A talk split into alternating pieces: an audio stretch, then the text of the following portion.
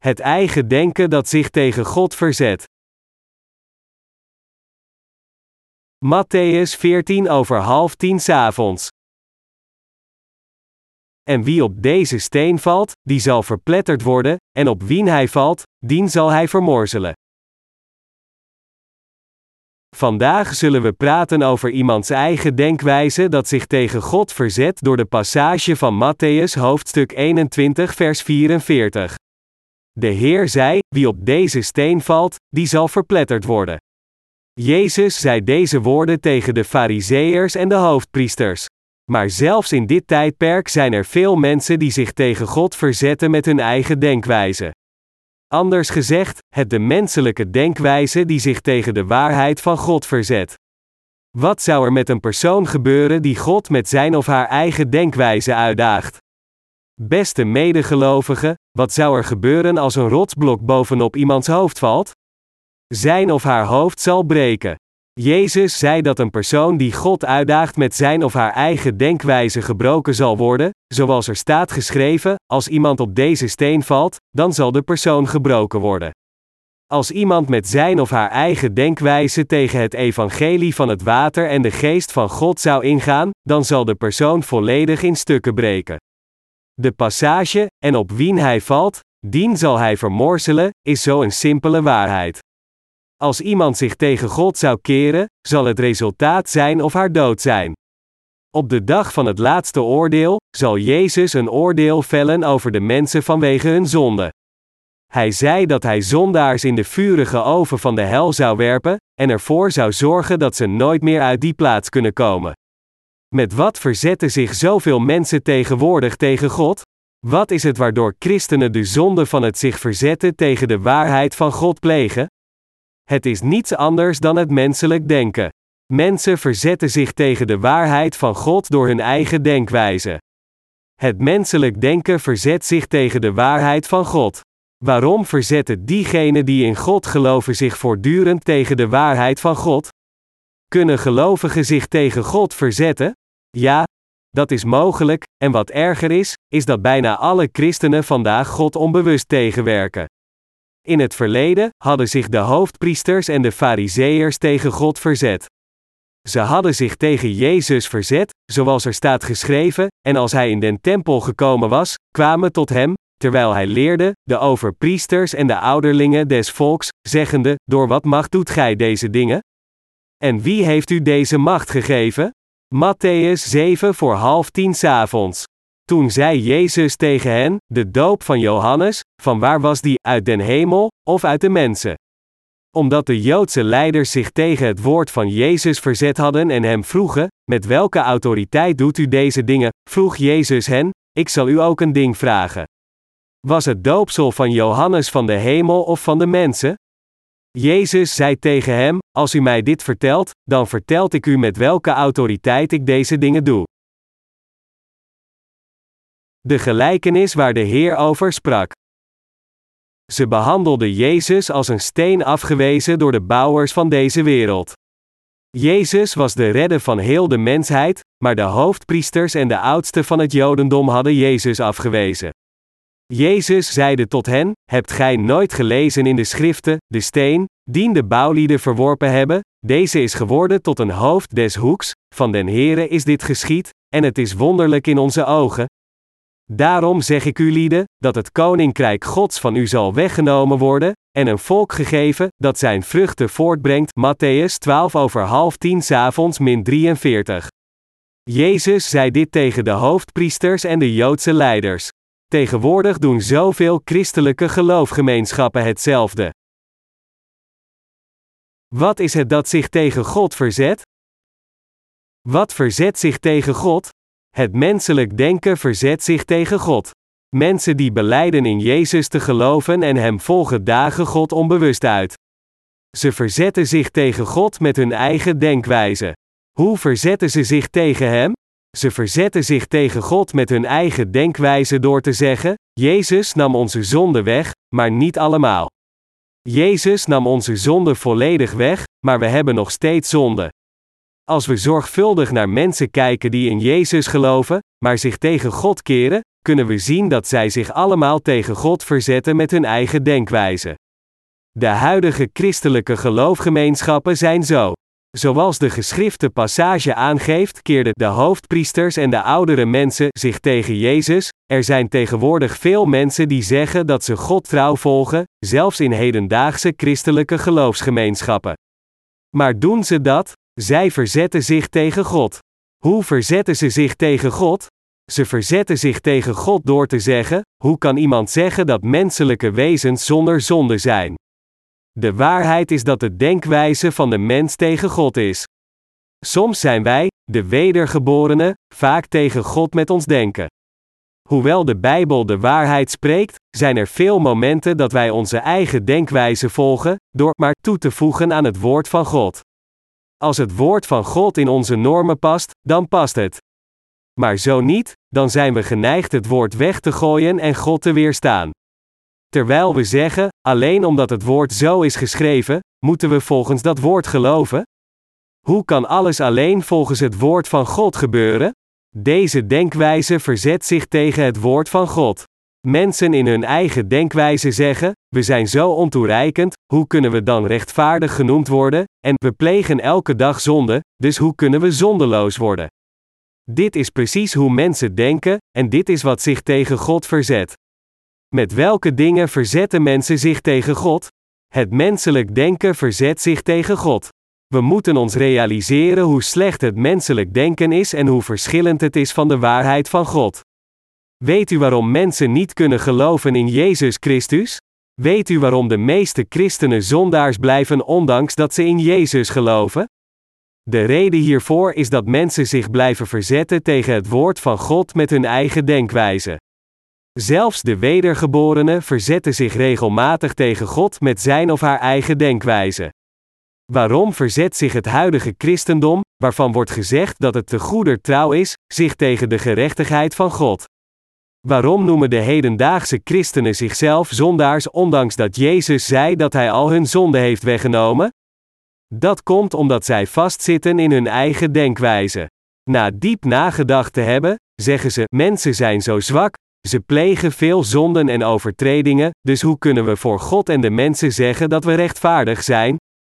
Dit is precies wat uit het menselijk denken komt. Als we dit zien, is het verbazingwekkend hoe u en ik in staat waren om de verlossing van zonde te ontvangen en hoe wij die het vermogen hebben om te denken in staat waren om de verlossing van zonde te ontvangen. Het is hetzelfde, zelfs nadat we de vergeving van zonde heeft ontvangen. Met onze eigen denkwijze, denken wij de wedergeborenen soms na en zeggen: Ik ben zo slecht, hoe kan ik de hemel binnengaan?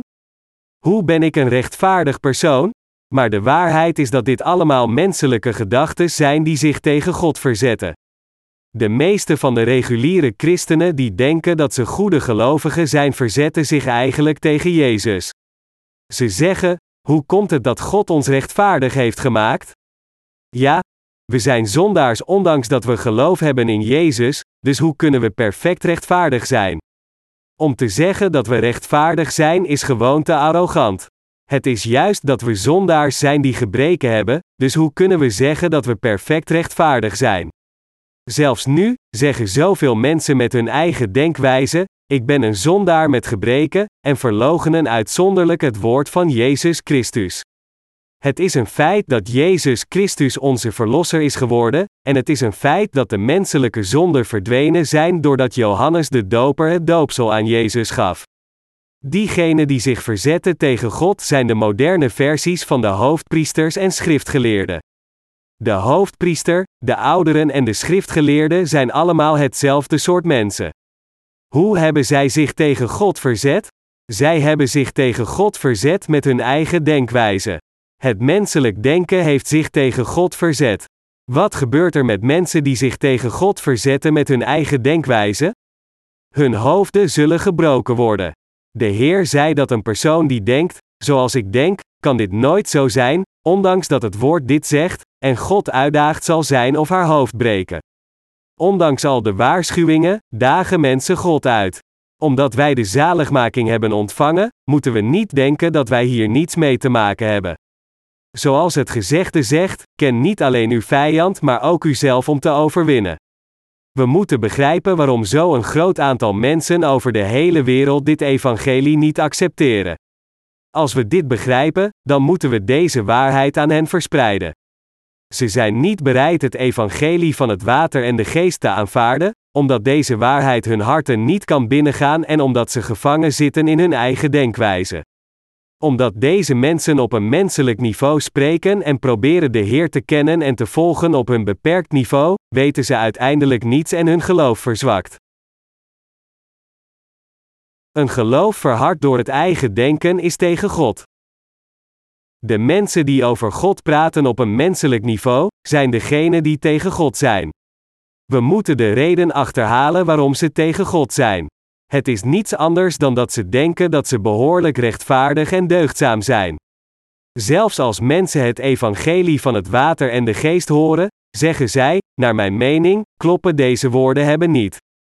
Volgens mij kan niemand rechtvaardig zijn, ongeacht wie hij of zij is. Dit is precies wat het menselijk denken is, en dit is wat God tegenwerkt. Uw familieleden, uw vrienden en andere mensen die u kent zijn tegen God door hun denkwijze die komt uit hun vuistgrote hersenen. We moeten hen leren dat hun denkwijze tegen God is. Het is verbazingwekkend om te zien dat ze tegen God zijn die zo groot is, met hun kleine hoofd. De steen in de geschrifte passage van vandaag verwijst naar Jezus Christus. Wat zijn menselijke hoofden? Menselijke hoofden zijn zoals pompoenen. Het zijn rotte pompoenen. Wat denkt u dat er zal gebeuren als een pompoen botst met een steen? Als een pompoen botst met een steen, dan zal de pompoen onmiddellijk breken. Hoe kan iemand tegen God ingaan met dergelijke kleine hersenen? De hoofdpriesters verzetten zich tegen Jezus met hun eigen denkwijze door te zeggen: Hoe komt het dat u de Verlosser bent? Hoe komt het dat u God bent? Hoe kan iemand de zaligmaking ontvangen door in u te geloven? Omdat u het doopsel van Johannes de Doper hebt ontvangen, hoe kunt u zeggen dat u al de zonde van de mensen hebt weggenomen? Maar de Bijbel zegt: Johannes kwam naar u op de weg van rechtvaardigheid. Johannes de Doper kwam naar ons op een rechtvaardige manier, en dat is wat ons mensen rechtvaardig maakt. Deze waarheid is niet iets dat van deze aarde kwam, maar van God hierboven. U moet u realiseren hoeveel mensen God uitdagen met hun eigen denkwijze. U moet u realiseren hoeveel uw familieleden, uw vrienden en uzelf God uitdagen. Mensen die God uitdagen zullen gebroken worden. Te vergeefs proberen mensen met hun eigen denkwijze tot de waarheid te komen. Ongeacht hoezeer ze proberen de weg met hun eigen denkwijze te vinden, en hoe goed ze in een Jezus volgen, ze kunnen nooit echt rechtvaardig zijn. We zijn alleen in staat rechtvaardig te worden als we het feit accepteren dat God ons rechtvaardig heeft gemaakt. Ongeacht hoe vurig iemand gebeden van berouw offert, hoe hard iemand een leven leidt van heiligheid en puurheid, menselijke wezens kunnen nooit op deze manier rechtvaardig worden. Ongeacht hoeveel moeite een persoon ervoor doet, hij kan niet alleen tot de waarheid komen. Mensen kunnen nooit de waarheid bereiken met hun eigen denkwijze. Het is belangrijk dat wij goed begrijpen dat het de menselijke denkwijze is die tegen God is. Als u hier nog steeds in vastzit, dan moeten uw geesten worden wakker gemaakt. Zelfs nadat u bent wedergeboren, berekent u nog steeds de dingen volgens uw eigen manier van denken? U kunt de waarheid niet bereiken door uw eigen manier van denken. Het kan alleen bereikt worden volgens dat wat het woord van de waarheid zegt. Als God ons rechtvaardig heeft gemaakt, dan worden we de rechtvaardigen door geloof. Als Jezus ons naar de hemel heeft gestuurd, dan gaan we de hemel binnen door geloof. Als God ons tot zijn kinderen heeft gemaakt, dan worden we de kinderen van God ook door geloof. Hoeveel moeite iemand erin steekt, heeft er absoluut niets mee te maken. Zelfs onder de wedergeboren christenen zitten veel mensen die tegen God ingaan, ze worden tegengehouden door hun eigen menselijke denkwijze. Deze mensen geloven heilig dat hun verharde denkwijze goed is, en ze proberen niet te achterhalen waar de waarheid van God om draait. Dus met hun eigen denkwijze verzetten ze zich tegen het woord van God, Gods kerk en God zelf. Ik bid dat u duidelijk zult zien dat diegene die het werk beoordeelt, diegene is die tegen God ingaat.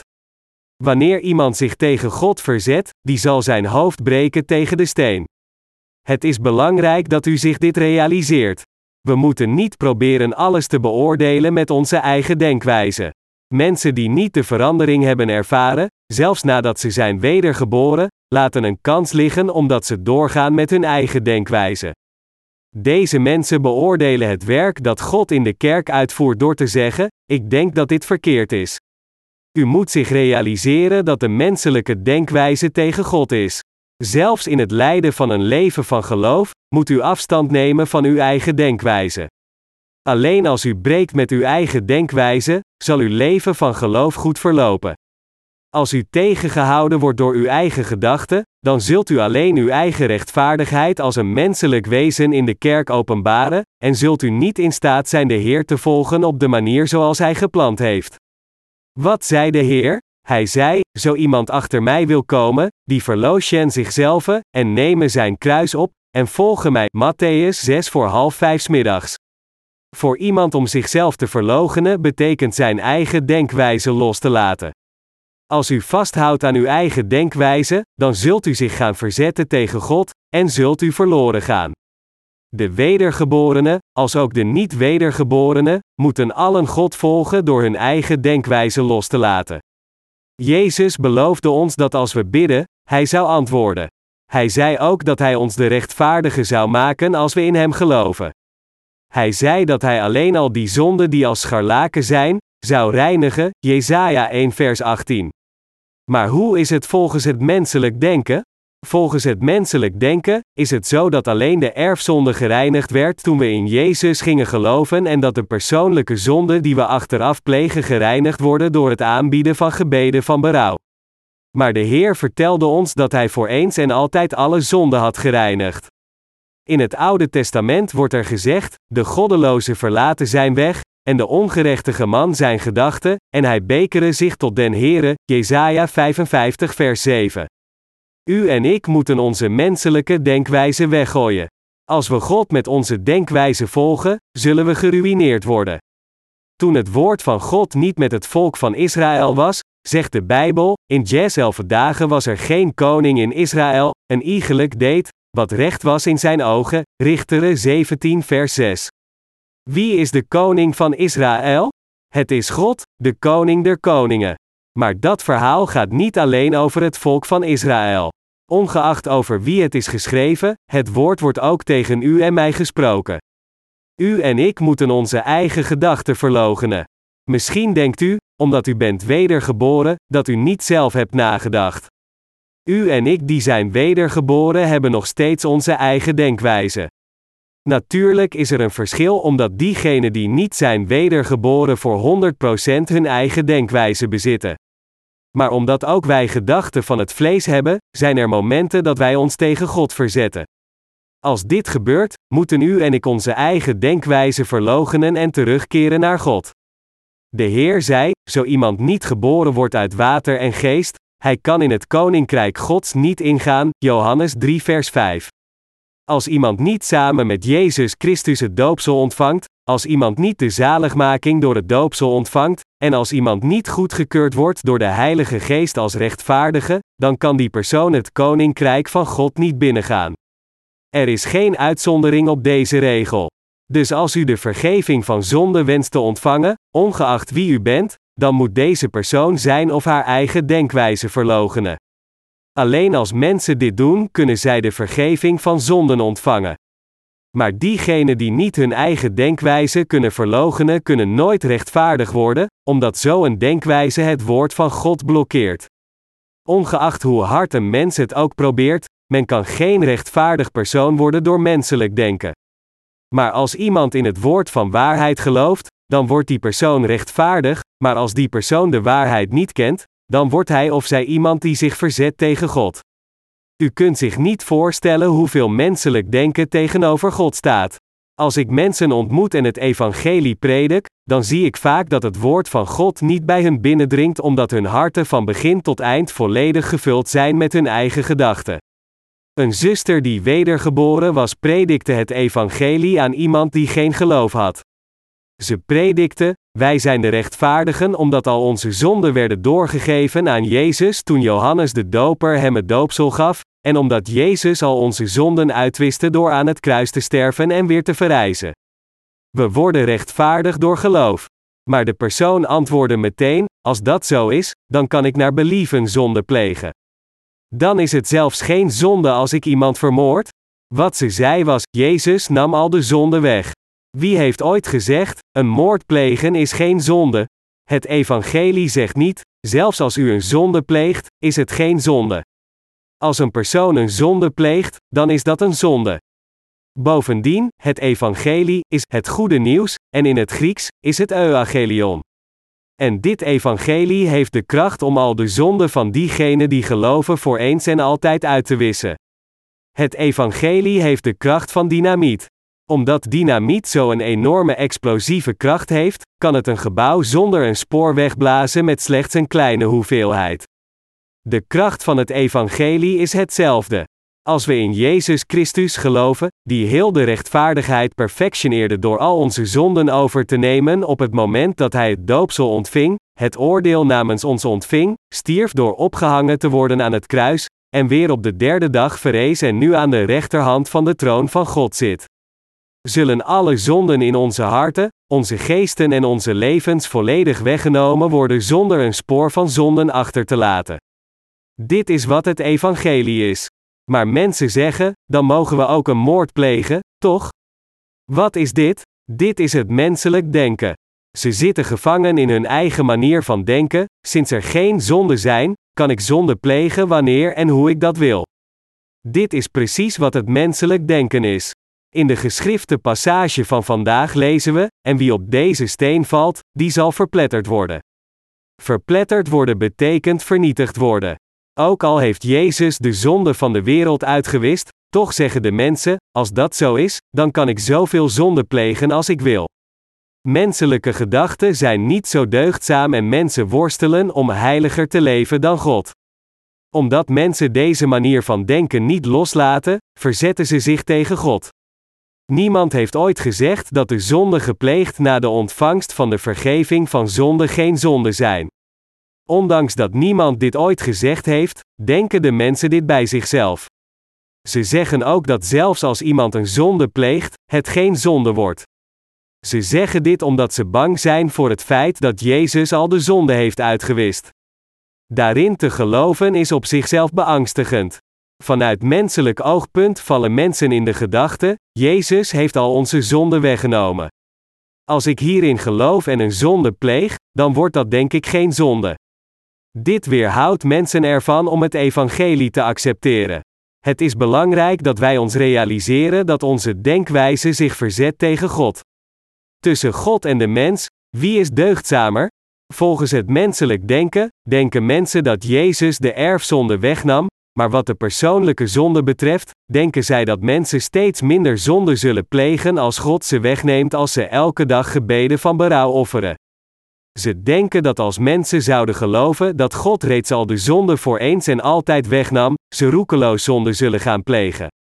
Deze aarde zal een plek van verwarring worden en vol goddeloosheid. Volgens hen zijn ze slimmer dan God, deugdzamer dan God en rechtvaardiger dan God. Ze zullen naar de hel gaan omdat ze denken dat ze zo deugdzaam zijn, zo slim en zo goed. Dergelijke mensen zijn diegenen die tegen God zijn.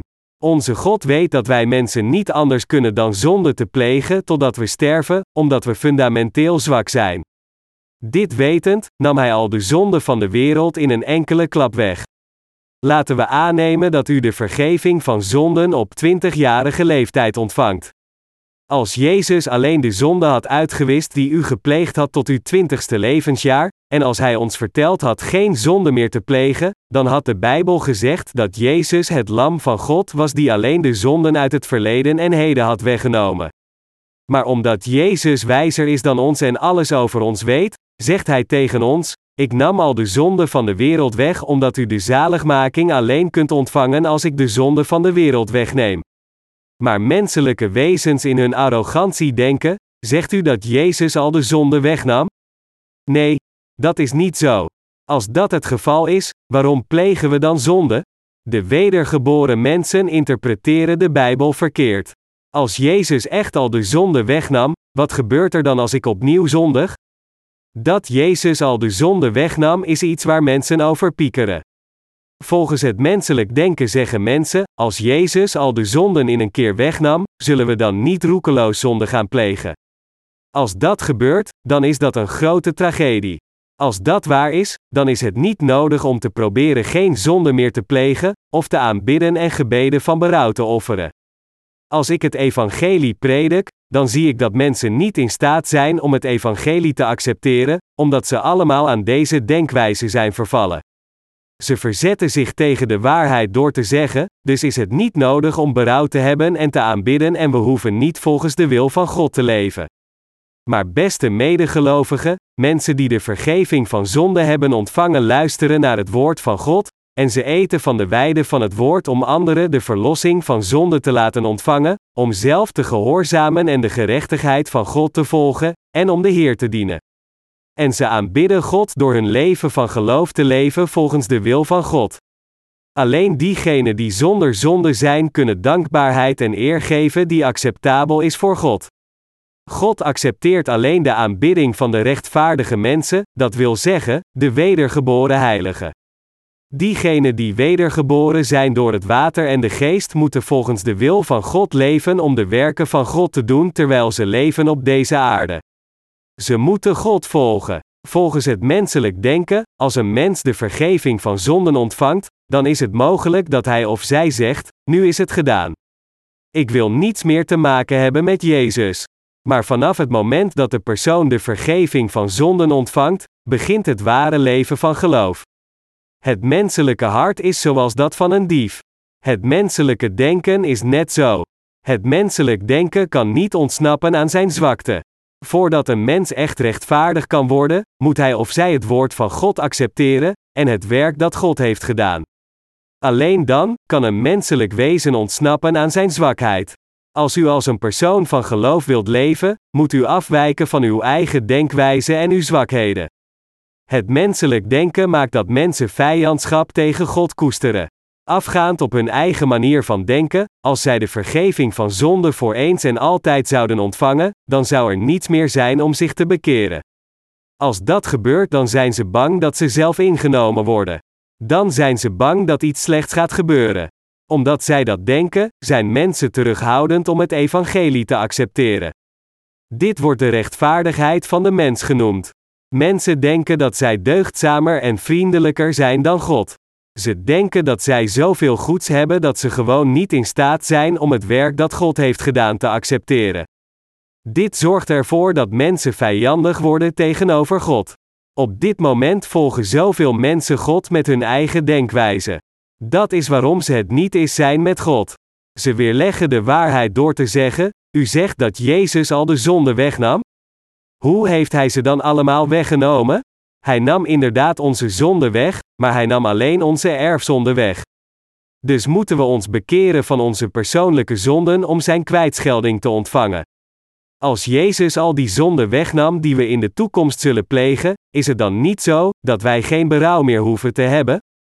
Waarom zouden de wedergeborenen zich niet bekeren? Er is niemand die beter tot God komt dan de wedergeborenen. We plegen zonde zelfs nadat we zijn wedergeboren, maar op dat moment moeten we als eerste vasthouden en geloven in het woord dat onze zonden en overtredingen heeft weggenomen. Ten tweede moeten we ons afkeren van de onrechtmatige dingen. We moeten ons realiseren dat deze zonden tegen de wil van God ingaan, en we moeten in het geweten geprikkeld worden en terugkeren van deze verkeerde zonde. Dit is wat oprecht berouw is. In plaats van dingen te beëindigen door te zeggen, alleen met iemands lippen in berouw, O Heer, vergeef me alstublieft. Ik zal dergelijke zonden nooit meer plegen. O Heer, ik geloof. Amen, en oprecht aanvaarden wat onrecht is en er feitelijk op terugkomen, dat is wat oprecht berouw is. We moeten het verkeerde religieuze geloof van ons weggooien. Als we tegen God ingaan met ons menselijk denken, dan worden we vijanden van God. Maar er zijn veel mensen die uit zichzelf vijanden van God zijn geworden. Bijna alle mensen worden uiteindelijk vijanden van God. Ze doen dit net als de hoofdpriesters en de ouderlingen in de dagen van Jezus. In feite, mensen die vurig in Jezus geloven zonder wedergeboren te zijn trappen op Jezus Christus. Het is niet overdreven om te zeggen dat christenen over heel de wereld Jezus Christus nu hebben afgewezen. Onder hen zijn er mensen die geloven dat Jezus de zonde voor eens en altijd heeft weggenomen, maar toch zeggen de meeste van hen dat een persoon geheiligd wordt door elke dag gebeden van berouw te geven. Het is als het weggooien van de waarheid van God. Ze hebben de waarheid dat Jezus Christus, door één keer naar deze aarde te komen, voorgoed onze zonde heeft weggenomen afgewezen. Door dit te doen, zijn ze vijanden van God geworden. Als we het evangelie aan hen prediken, moeten we de knoop van diegenen losmaken die vijandige gevoelens hebben tegen God. We moeten de mensen vertellen: meneer, uw gedachten zijn misschien zo, maar ze zijn slechts de gedachten van een mens. Het staat zo geschreven in de Bijbel, en de Heer heeft dit voor ons gedaan. Zult u dit accepteren, of zult u dit weigeren? Als u weigert, dan zult u een vijand van God worden, maar als u dit evangelie accepteert, dan zult u een kind van God worden. Werksoort mensen verzetten zich tegen de Heer. De hoofdpriesters en de ouderen waren tegen hem. Christenen die zeggen dat ze in God geloven verzetten zich tegen God. Denkt u dat het bepaalde mensen zijn die zich tegen God verzetten? Christelijke geloofgemeenschappen over heel de wereld verzetten zich tegen God. Mensen die naam voor zichzelf hebben gemaakt in de wereld van het christendom en waarvan wordt gezegd dat ze in God geloven en deze goed volgen, zijn diegenen die tegen God zijn. Mensen die vol zijn van hun eigen gerechtigheid zeggen: Ik ben een oudere, ik ben een pastor of ik heb die en die wereldberoemde theologie gestudeerd, en zij die denken dat zij geleerden zijn, zijn geneigd om vijanden van God te worden. Deze mensen accepteren het werk dat Jezus Christus heeft gedaan niet. Ten tijde van Jezus accepteerden de hoofdpriesters, de schriftgeleerden en de ouderen Jezus niet. Diegenen die zelf geen gerechtigheid hadden, zoals tollenaars en hoeren, accepteerden het feit dat Jezus hun verlosser was. De hoofdpriesters en de ouderen waren belangrijke figuren van de wereld. Zij waren leiders. Voor deze mensen vertelde Jezus de volgende parabel. Er waren twee zonen, de eerste en de tweede, die een opdracht van hun vader kregen. De tweede zoon zei: Ja, maar gehoorzaamde niet. De eerste zoon ging er eerst tegenin, maar gehoorzaamde later en volgde de wil van zijn vader. Omdat de tweede zoon, die Joden, Jezus Christus niet als de Verlosser accepteerde, is het zo dat wij de niet-Joden de zaligmaking hebben ontvangen door Jezus Christus te accepteren. Er zijn twee soorten kerken in deze wereld: Gods kerk en de synagoge van Satan, Openbaring 3, vers 9. Anders gezegd, er zijn kerken die toebehoren aan het christendom geaccepteerd door deze wereld, en dan is er de kerk dat de acceptatie van God heeft ontvangen ondanks het lijden van vervolging van de wereld. De Heer zei: Wee u, wanneer al de mensen wel van u spreken, want hun vaders deden desgelijks den valse profeten, Lucas 6 vers 26. Omdat diegenen die geaccepteerd worden door de wereld Jezus Christus hebben afgewezen, hebben wij die als hoeren en tollenaars zijn de zaligmaking ontvangen door Jezus Christus te accepteren. Is het christendom van de wereld het perfecte christendom? Zijn ze vergelijkbaar met betrekking tot wat wij geloven? Ze zijn compleet anders dan wij. Ze geloven in en volgen God met hun eigen denkwijze. Mensen die geloven in en God volgen volgens het woord en diegenen die geloven in en God volgen met hun eigen denkwijze zijn compleet verschillend. Momenteel beleiden veel mensen in Jezus te geloven, ondanks dat zij zich tegen God verzetten met hun denkwijze, omdat ze niet geloven in dat wat er geschreven staat in de geschriften en in plaats daarvan het woord met hun eigen denkwijze vervormen. De religie waar zij in geloven is niet het ware christendom. De Bijbel zegt dat onze zaligmaking al geperfectioneerd werd. Het staat geschreven in de verleden tijd, dat betekent dat het werk van Jezus Christus het redden van de mensheid al volbracht is. Maar zelfs nu zijn mensen bezig hun eigen zaligmaking te maken. Moeten mensen hun eigen zaligmaking zelf maken? Heeft Jezus ons niet perfect gered? Weet u dat de passage geschreven in de Bijbel, werkt uw WS zelfzaligheid, Filippenzen 2 vers 12, dat betekent. Net zoals de ouderen en de hoge priesters zich tegen God hebben verzet, verzet de oude generatie van de wereld, De geloofgemeenschappen die groot zijn in de wereld en de grote leiders van het hedendaagse christendom en de belangrijkste geloofgemeenschappen die erkend worden door de wereld zich tegen Jezus Christus, onder de naam van het orthodox christendom. Ze zijn consequent tegen God. We moeten ons dit realiseren om het evangelie te kunnen verspreiden. Als we het evangelie aan hen prediken, is het nutteloos om hen de geschrifte passages te leren. Alleen als we hun denkwijze breken en hen hun vooroordeel laten negeren, kan het evangelie hun harten binnengaan. Als we hen alleen over de Bijbel zouden vertellen, dan zeggen ze: Ik geloof ook zo. Ze zijn ongehoorzaam aan het woord van God met hun vleeselijk verstand. Dus is het nutteloos hen de Bijbel te leren, wat er ook gebeurt. Als we het evangelie prediken, dan moeten we hun denkwijze breken. We moeten hun verkeerde manier van denken corrigeren. Mensen die nog steeds beleiden zondaars te zijn, ondanks dat ze geloven in Jezus, en dat men alleen geheiligd kan worden door iedere dag gebeden van berouw te offeren, zijn diegenen die zich tegen God verzetten. Werd u geheiligd door iedere dag deze gebeden te geven? Lang geleden was er een bepaalde oudere, die al zijn rijkdom gebruikte om een kerk te bouwen.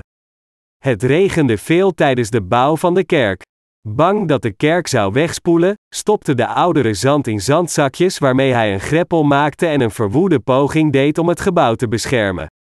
Er wordt gezegd dat hij bloed en zweet vergoot tijdens het bouwen van zijn kerk. Toen kwam het moment dat de oudere die zo hard had gewerkt moest sterven.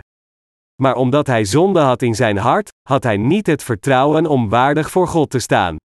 Dus na diep nagedacht te hebben, riep hij de pastoor van zijn kerk en zei: Beste pastoor, als ik sterf, schenk mijn lichaam dan aan een bepaald academisch ziekenhuis voor de studie van de anatomie.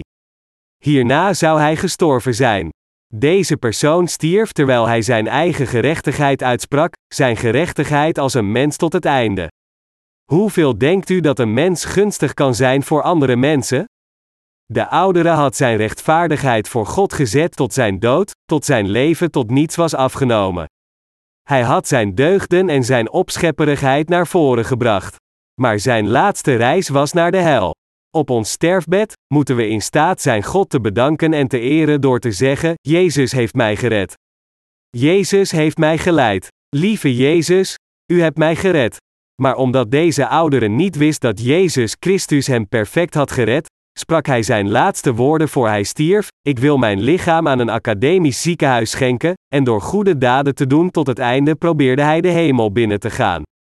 Hij had dit gedaan denkend dat Jezus hem misschien zou herkennen als hij na zijn dood tegen de Heer zou zeggen: Lieve Heer, ik hou van mensen, want ik heb zelfs mijn vlees na mijn dood voor het welzijn van de mensheid opgegeven. Maar zelfs de pastoor had de verdienstelijke daad van deze oudere geprezen door te zeggen: deze oudere gaf, om mensen te helpen, zijn lichaam op voor de anatomie, maar in feite was hij niet in staat de erkenning van God te ontvangen. Als ik dergelijke dingen zie, dan denk ik: het komt waarschijnlijk door het verharde denken van de mens dat ervoor zorgt dat de persoon een vijand van God wordt. Voor zulke mensen zegt de apostel Paulus dat ik mijn lichaam overgaf, opdat ik verbrand zou worden, en had de liefde niet, zo zou het mij geen nuttigheid geven. 1 Korintje 13 vers 3. Wat is de liefde die hier vermeld wordt? Het onderwerp van de liefde is Jezus. God is liefde. Liefde is de hel als er geen liefde voor de waarheid van God in ons hart zit. Mensen die niet de liefde van God kennen getoond door het evangelie van het water en de geest zijn diegenen die hun daden en hun deugden tot het einde toetonen en dezelfde onwetende dingen doen zelfs bij de dood. De pastoor van die kerk pochte dat de oudere van zijn kerk diegene was die dit gedaan had. U weet niet hoeveel medelijden ik met deze leden van de kerk had. Zonder de overtuiging dat men naar de hemel gaat, moeten zij dan geen deugdzame daden en diensten verrichten tot hun dood. Dit is wat we slavernij noemen. We danken en eren de Heer omdat Hij ons gered heeft. Als we deugdzame daden moeten blijven uitvoeren tot onze dood om de zaligmaking te ontvangen, is dat wel mogelijk. We zullen waarschijnlijk halverwege afvallen. Mensen die voor God opscheppen over hun eigen rechtvaardigheid zijn diegenen waarvan gezegd wordt dat zij het beste in Jezus geloven en waarvan gezegd wordt dat zij Jezus het beste volgen. Ze moedigen mensen aan door te gaan met het uitvoeren van werken door de geschrifte passage te citeren, Maar wie volharden zal tot het einde, die zal zalig worden. Matthäus 13 over 12 avonds, moet deze woorden waren bedoeld voor de Joden tijdens de laatste dagen van de verdrukking. Hoe heeft Jezus Christus ons van de zonde van de wereld gered? Wat heeft Christus voor ons gedaan?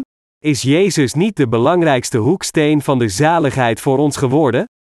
Jezus heeft het werk van verzoening tussen God en ons gedaan. Jezus heeft ons rechtvaardig gemaakt voor God. Toen wij vijandig tegenover God waren, kwam Jezus naar deze aarde, en door het doopsel van Johannes de Doper nam hij al de zonde van de mensen over. Door dit te doen, wist hij al onze zonden uit. Dus werd hij de verlosser voor diegenen die in hem geloven. Hij werd de verlosser voor de gelovigen. Hij heeft ons tot de kinderen van God gemaakt. We kunnen God nu Vader noemen en zijn kinderen worden. De sluitsteen van een gebouw wordt de hoeksteen genoemd. Jezus is oprecht de hoeksteen van de zaligmaking voor ons geworden. Mensen van de wereld geloven niet in Jezus en trotseren Hem tot het eind. Met hun deugdzame daden, huilen en veel gebeden, proberen zij de zaligmaking voor God te ontvangen. Dit is wat het menselijk denken is, en ze houden aan dit menselijk denken vast tot de dood. Mensen moeten weten en correct geloven om de zaligmaking te ontvangen. Ondanks dat iemand denkt dat hij of zij het goede geloof heeft, als zij verkeerd in het woord van God geloven, dan is het resultaat de hel en niet de zaligmaking. Mensen graven in de grond op zoek naar goud. Soms graven ze bergen op nadat ze gebeden hebben. Als experts een goudader ontdekken, dan weten ze of deze ader veel goud heeft door gewoon een beetje te graven. Dus, de experts, nadat ze al het goud dat ze hebben opgegraven hebben weggehaald, bedriegen op het moment dat het goud bijna op is, mensen die niet goed geïnformeerd zijn. Ze vertellen hen: Ik heb een serieus proberen, dus wil ik deze goudmijn aan u verkopen. Dan zeggen ze: Als ik deze goudmijn koopt, wordt u rijk. Wilt u het hem kopen? En omdat de mensen op dat moment het goud zien, zullen diegenen die onwetend zijn de goudmijn kopen. Natuurlijk zullen ze in het begin bij het graven goud vinden. Maar als ze langer graven, zal er geen goud meer gevonden worden. Zo misleiden de experts diegenen die niet goed geïnformeerd zijn. Beste medegelovigen, weet u hoeveel dingen eruit zien als goud, gewoon door hun uiterlijk? Lang geleden leefde ik op een eiland. Toen ik daar was, had ik een rotsblok gespleten om een fontein op te graven, maar er scheen iets geels uit de rots. Ik dacht dat ik een goudader gevonden had. Mijn ogen werden in een oogwenk groter. Toen ik het rotsblok verpletterde met een hamer, scheen er echt een geel licht tussen de scheuren. Dus groef ik nog wat verder. Hoewel het rotsblok gewoon rots was, zat er iets geels in het midden. Ik dacht bij mezelf: wow, ja, dit is wat een goudader is. Ik bedekte de rots zodat niemand hem zou zien. Ik dacht dat ik een stuk van de rots naar een expert moest brengen. Ik had mensen om mij heen gevraagd en ze zeiden allemaal dat het een goudader was. Met een rusteloos hart rende ik naar een expert en toonde hem de rots. Met een enkele blik vertelde de expert mij dat het geen goud was. Hij zei: Meneer, het lijkt misschien goud, maar er zijn rotsen die lijken op goud. Deze persoon vertelde me dat ondanks dat het leek op goud, het niet waardevol was. Denkend dat de persoon misschien tegen me loog, ging ik naar een andere expert voor een tweede mening. Maar deze persoon vertelde me ook dat het geen goud was. Hij vertelde me dat veel van deze rotsen waren. Voor de ogen van het vlees was de rots glanzend. Maar voor een expert was het helemaal geen goud. Misschien is dat de reden waarom het spreekwoord: alles wat blinkt, geen goud is, is ontstaan. Laten we voor een moment aannemen dat amateurs zoals ik die niets weten over goud de berg gekocht had en begon met graven. Wat denkt u dat er zou gebeuren? Het geloof in Jezus is zo. Mensen geloven dat als we in Jezus geloven, dat ze gered zullen zijn. Mensen geloven tot het einde beleidend, ik geloof. Maar ze hadden in Jezus geloofd gebaseerd op de verkeerde informatie. Zoals eerder vermeld, stierf de oudere als een zondaar, ondanks dat hij geloofd had dat als hij iedere dag geleden van berouw zou offeren, hij later geheiligd en rechtvaardig zou worden. Wanneer hij gestorven als een zondaar voor God staat, zegt God tegen hem: Ik heb u nooit gekend, ga weg van mij, omdat hij zonden in zijn hart heeft. Lieve Heer, Hoe komt het dat u mij nooit gekend heeft? Heb ik niet in uw naam voorspeld, demonen verdreven en veel wonderen verricht? Ik heb u nooit gekend, ga weg van mij, u die wetteloosheid praktiseert. De Heer heeft diegenen verteld die hem volgen zonder de juiste kennis uit zijn aanwezigheid te vertrekken. Als mensen, ondanks dat ze in Jezus geloven, zo'n minachting voor de Heer zouden ondergaan, waar zou dat toe leiden? Zoveel mensen geloven in Jezus en volgen Jezus tot het eind met hun eigen denkwijze. Onder diegenen die zo geloven, bevinden zich diegenen die in de hemel worden toegelaten? Nee, er zijn diegenen die zeggen: Hoe weet u dat u naar de hemel of hel gaat? Alleen God weet dat. Maar hoe kunnen we dat niet weten? Mensen weten dit niet omdat ze verder denken met de ogen van het vlees. We zijn in staat dit te weten als we de kwestie onderscheiden door het woord van God.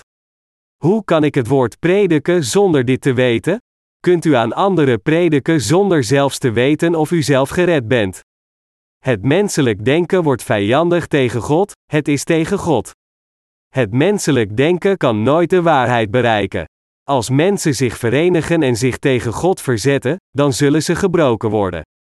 En wie op deze steen valt, die zal verpletterd worden. De hoofdpriesters en de ouderen verzetten zich tegen Jezus door zich te verenigen. Dat is waarom Jezus heeft gezegd: En wie op deze steen valt, die zal verpletterd worden. Matthäus 14 over half tien avonds.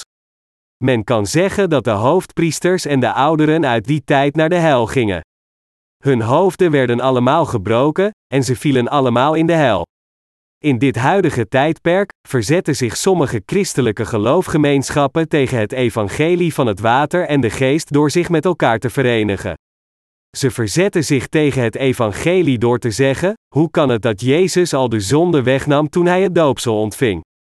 Maar, door het woord, zullen we allemaal gebroken worden. In vers 32 zegt Jezus: Want Johannes is tot u gekomen in den weg der gerechtigheid, en gij hebt hem niet geloofd, maar de tollenaars en hoeren hebben hem geloofd, doch gij, zulks ziende, hebt daarna geen berouw gehad, om hem te geloven. Jezus draagt duidelijk getuigenis over het feit dat Johannes op de weg van gerechtigheid kwam. God zegt dat zijn gedachte anders is dan het menselijk denken. Er staat geschreven in Jesaja: Want mijn gedachten zijn niet uw lieder gedachten, en uw wegen zijn niet mijn wegen, spreekt de Heere. Wat gelijk de hemelen hoger zijn dan de aarde, alzo zijn mijn wegen hoger dan uw wegen, en mijn gedachten dan uw lieder gedachten. Jesaja 55 vers 8 tot 9. Gods gedachten zijn anders dan het menselijk denken. God had besloten al de problemen van zonden op te lossen door al de zonden voor eens en altijd aan Jezus te geven door Johannes de Doper.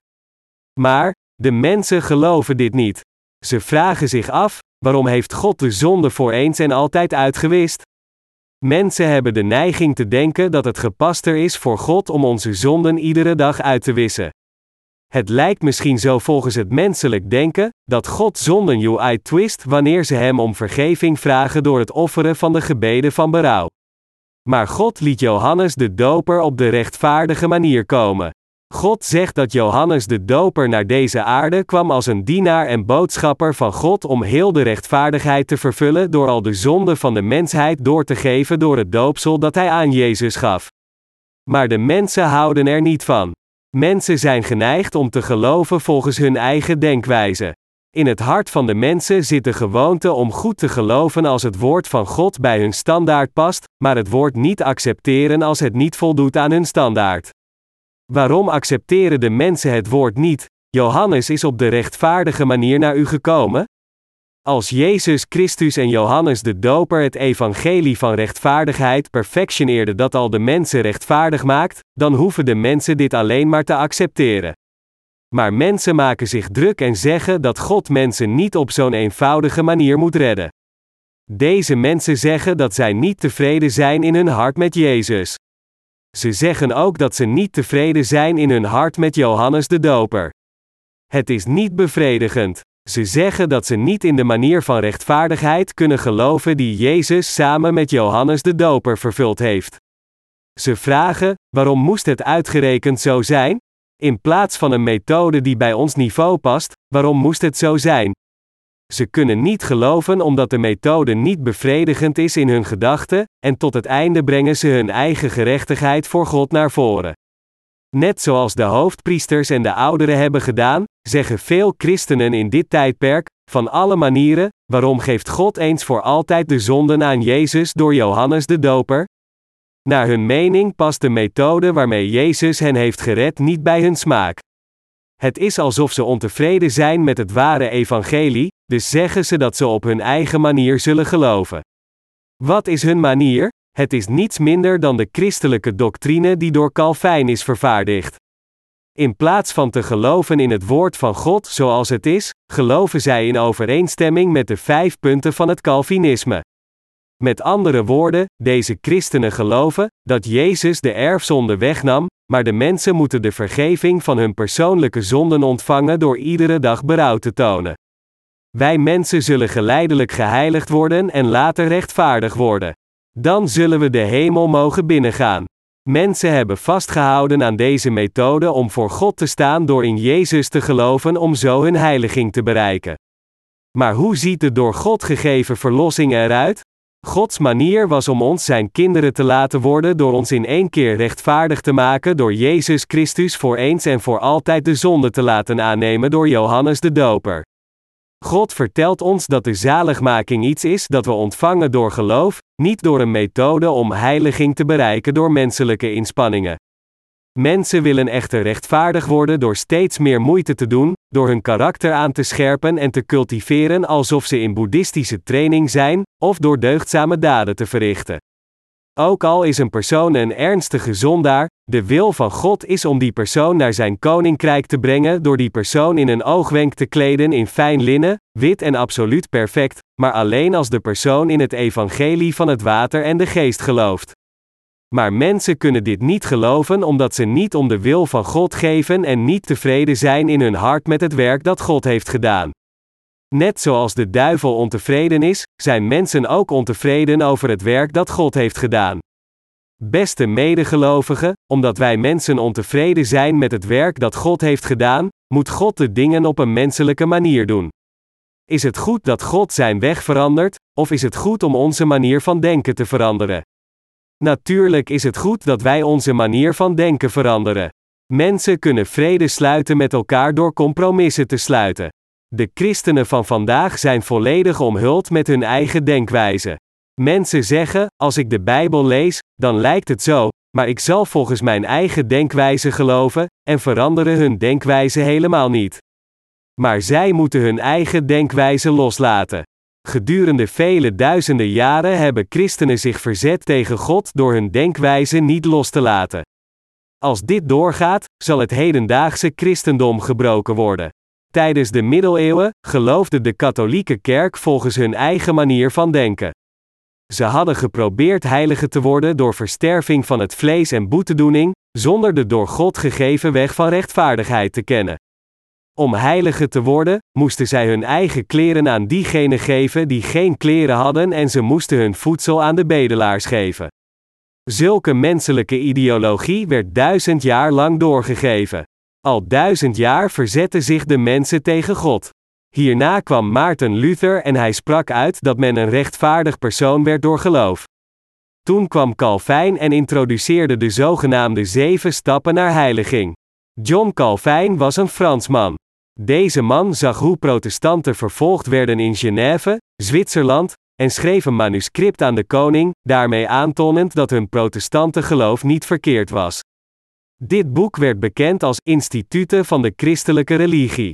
Calvijn presenteerde dit boek aan de koning in een poging om de christenen te verdedigen. In de inhoud van het boek dat op dat moment aan de koning werd gepresenteerd, stond de doctrine van Calvijn, de zeven stappen naar de heiliging. In het boek staat vermeld dat Jezus de erfzonde heeft weggenomen en wat de rest betreft, mensen mogen het koninkrijk van God binnengaan door hun zonde gereinigd te hebben zo witte sneeuw door hun gebeden van berouw.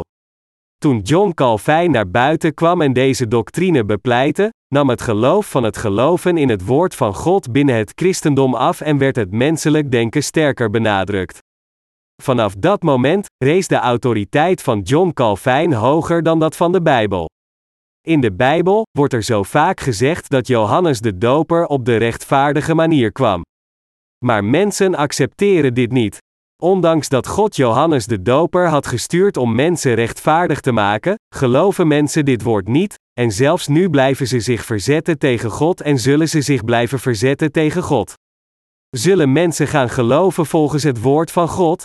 Zo niet, zullen ze dan in God geloven volgens hun eigen denkwijze? We moeten tussen deze twee kiezen. Zult u naar de hel gaan met een gebroken hoofd, omdat u tot het einde tegen God bent ingegaan met uw eigen denkwijze, of zult u naar de hemel gaan door volgens het woord van God te geloven? In plaats van God alleen te weerstaan, wilt u God tot het einde bestrijden door u met anderen te verenigen, net zoals de hoofdpriesters en de ouderen om het oordeel van een rotsblok dat u tot poeder vermaalt te ontvangen? Of wilt u de vergeving van zonden ontvangen door alles over het woord te weten en erin te geloven? Zelfs als mensen alles over de geschiedenis van de wereld en de toekomst weten, zullen zij naar de hel gaan als zij de waarheid niet kennen. Vanwege ons onvermogen om onszelf te helpen, hebben we de zaligmaking ontvangen door Jezus Christus te accepteren. We hebben de zaligmaking van zonden ontvangen door het woord van waarheid, uitgesproken door Jezus te aanvaarden. Hoe hebben we de vergeving van zonden ontvangen? Er zijn zoveel beroemde mensen, slimme mensen, de moderne versies van de hoofdpriesters en ouderen in deze wereld, die zich voortdurend tegen God blijven verzetten. Het is verbazingwekkend als we bedenken hoe we tot geloof in dit evangelie zijn gekomen. Hebt u toevallig de kerk ontmoet door in de Heer te geloven en de vergeving van zonde te ontvangen door enkele dienaren van God te ontmoeten? Ik hoop dat u God zult bedanken voor het feit dat u de gelederen van de wedergeborenen bent binnengegaan en niet de gelederen van hen die zich tegen God verzetten. Met slechts een kleine misstap had u de leiding van de moderne versie van de hoofdpriesters kunnen ontvangen en was u naar de hel gegaan omdat u zich uw hele leven tegen God had verzet in een grote geloofgemeenschap van deze wereld. Had u daar nog steeds in gezeten, dan had u zich elke dag tegen God verzet door te zeggen: Jezus was niet in staat al onze zonden uit te wissen. We moeten elke dag gebeden van berouw geven. Niemand is rechtvaardig, nee niet en. En later, zoals het schrift zegt, had uw hoofd gebroken kunnen worden. God gooit dergelijke mensen in het vuur van de hel, maar ik ben blij dat wij geen deel van hen zijn. U en ik zijn oprecht wedergeboren door het evangelie van het water en de geest. Er zijn veel mensen die tegen de kerk zijn met hun eigen denken en vertrekken nadat ze de vergeving van zonde hebben ontvangen. Als ik dergelijke mensen zie, dan voel ik van de ene kant medelijden, maar van de andere kant zou ik graag naar hem willen roepen. Is zo een grote diamant niet heel kostbaar? En toch gooit u hem weg, de waarde niet kennend. Het is uw verlies. Als u de kerk verlaat, zal er dan iets anders zijn dan de vernietiging van uw geest en vlees. Beste medegelovigen, we moeten de Heer oprecht dankbaar zijn. Misschien zijn er mensen die zeggen: waarom predikt pastoor Paul? Jong alleen het evangelie van het water en de geest als hij zijn mond open doet? Als u een klomp goud in uw huis had, zou u er dan maar één keer naar kijken en het dan in een la leggen, nooit meer ernaar kijkend? Als u iets kostbaars hebt, zou u dan niet de la iedere dag open doen om er naar te kijken, s'morgens, smiddags en avonds, zo vaak als u kunt? U kijkt toch ook keer op keer naar kostbare dingen, nietwaar? Dat is waarom ik keer op keer het evangelie van het water en de geest predik. Omdat zoveel mensen nog steeds niets over dit kostbare evangelie weten, spreek ik er elke dag over om hen deze waarheid te tonen. Maar zelfs als ik dit kostbare ding aan de mensen toon, zeggen zij: Is dat alles? Waarom is dat kostbaar? Dat is omdat zij de schatkist niet hebben geopend. Als de mensen het open doen, realiseren ze zich hoe kostbaar het is. Als u het dak van de tabernakel wegneemt, weet u dan wat erin zit? In de tabernakel zit een huis van puur goud. De tabernakel lijkt van de buitenkant op de tent van Kedar. Maar van binnen bevindt zich een huis van puur goud. Er wordt gezegd dat om een huis van puur goud te maken, men 8 ton aan puur goud nodig heeft. Daarom wordt de tabernakel ook het huis van puur goud genoemd. Maar als een varken een klomp goud ziet, stapt het erop en gooit hem weg, zeggend: Wat is dit gele ding? Als ik erop bijt, zakken mijn tanden er niet in. Verdorie, wat een nutteloos ding. Een varken herkent niet de waarde ervan, en hij gooit het in smerig water en laat het zinken. De zogenaamde orthodoxe christenen horen het ware evangelie, maar zeggen: Is dat alles? En ze kauwen erop, spugen het uit op de grond, en stampen met hun voeten erop. Ze weten niet dat als zij het eten, zij het eeuwige leven ontvangen en het koninkrijk van God kunnen binnengaan omdat ze rechtvaardig zijn geworden. Beseft u hoeveel mensen, die het evangelie van het water en de geest als een varken weggooien, op deze aarde zijn? Hoe kunnen we eervol worden voor God? Door Jezus Christus te accepteren die ons perfect heeft gered, zijn wij eervol geworden. Als Jezus Christus er niet voor ons was geweest, hoe hadden we dan eervol kunnen worden? Maar, zoveel mensen op deze aarde weigeren dit kostbare evangelie. Net zoals uw familieleden, verwanten en vrienden, weigeren zoveel mensen deze waarheid. Weet u hoe kostbaar de waarheid van het evangelie van het water en de geest is? Denkt u dat iedereen gewoon kan komen om in de kerk te zijn? Denkt u dat gewoon iedereen de Heer kan dienen? Ik hoop dat u zich realiseert dat het een grote zegen voor u is om in deze kerk te zijn nadat u de vergeving van zonde hebt ontvangen, en in staat te zijn om naar het woord te luisteren en erin te geloven. Ik hoop dat u zich realiseert dat God u zegeningen geeft. Wij, de wedergeborenen, moeten nu nadenken over wat de juiste manier van leven is voor God en Hem danken dat Hij ons heeft gered uit de vele mensen die tegen God zijn. Wij die oprecht zijn wedergeboren moeten dankbaar zijn omdat de Heer ons gered heeft en dat Hij ons toestaat Hem in deze kerk te dienen. We moeten heel ons hart leggen in de verspreiding van dit kostbare evangelie. We moeten diegenen die niet in dit evangelie geloven uitleggen wat het menselijke denken, dat zich tegen God verzet, is. En we moeten hun denkwijze breken voordat we het evangelie aan hen geven. We moeten ons leven van geloof voor de rest van onze leven leiden met dankbaarheid. God heeft ons oprecht de mogelijkheid gegeven om Hem en het Evangelie te dienen. Al uw werk voor de Heer zal niet op de grond zal vallen, maar veeleer zullen zij voor God gerapporteerd worden. En God zal u zeker belonen. Als u niet was wedergeboren, denkt u dat deze dingen dan mogelijk zouden zijn? Zelfs als u God goudklompen zou offeren, het zou geen verschil maken als u niet bent wedergeboren. En wie op deze steen valt, die zal verpletterd worden, en op wien hij valt, dien zal hij vermorzelen. Dit is het woord dat God spreekt tegen diegenen die tegen het evangelie van God zijn en beweren dat de leerstellingen van hun denominatie juist zijn zonder ooit wedergeboren zijn. Ze zullen volgens deze passage worden gedaan. Zij zullen het oordeel van God ondergaan, en er zal een dag komen waarop hun hoofden zullen worden gebroken en tot poeder zullen worden vermalen. Ik geloof dat ze zeker zo zullen lijden. Daarom moeten we medelijden hebben met hen die tegen het evangelie van God zijn met hun denken en hen de waarheid van God prediken. Wij, de wedergeborenen, moeten ook ons geloof leven door elke dag onze eigen gedachten los te laten, zoals de apostel Paulus heeft verklaard: Ik sterf alle dagen, 1 Korintje 15 vers 31. Halleluja!